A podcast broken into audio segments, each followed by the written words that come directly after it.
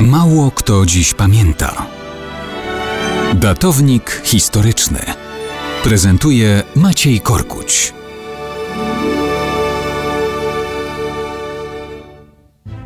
Mało kto dziś pamięta, że we wrześniu 1943 roku z więzienia w Paryżu uciekł Leopold Trepper.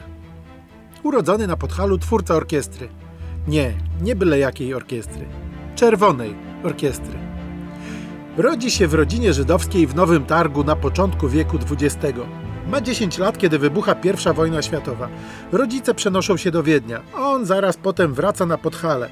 Działa w organizacji syjonistycznej, staje się rewolucjonistą.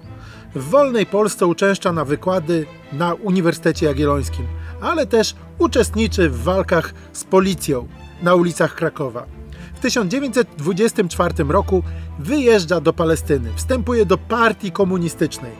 Zostaje wydalony przez angielskie władze. Wtedy działa wśród żydowskich komunistów we Francji. Jedzie do Moskwy. Tu pod nadzorem NKWD kończy szkolenia specjalne.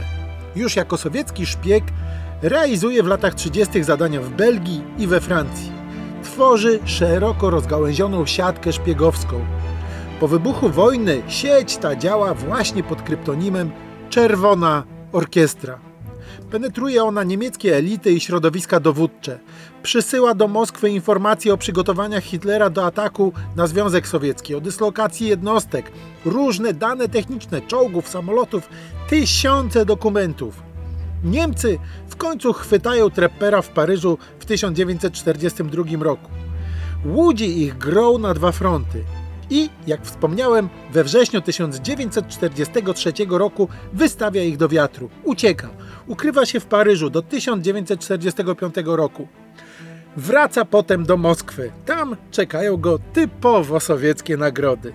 Zostaje aresztowany. Skazują go na 15 lat więzienia. Wychodzi po siedmiu, już na fali odwilży po śmierci Stalina. Przyjeżdża do PRL. Staje na czele Stowarzyszenia Społeczno-Kulturalnego Żydów Polskich. Po 1968 roku wraz z rodziną wyjeżdża do Izraela. Tam na początku lat 80. XX wieku umiera. Umiera twórca orkiestry. Nie byle jakiej orkiestry. Czerwonej orkiestry.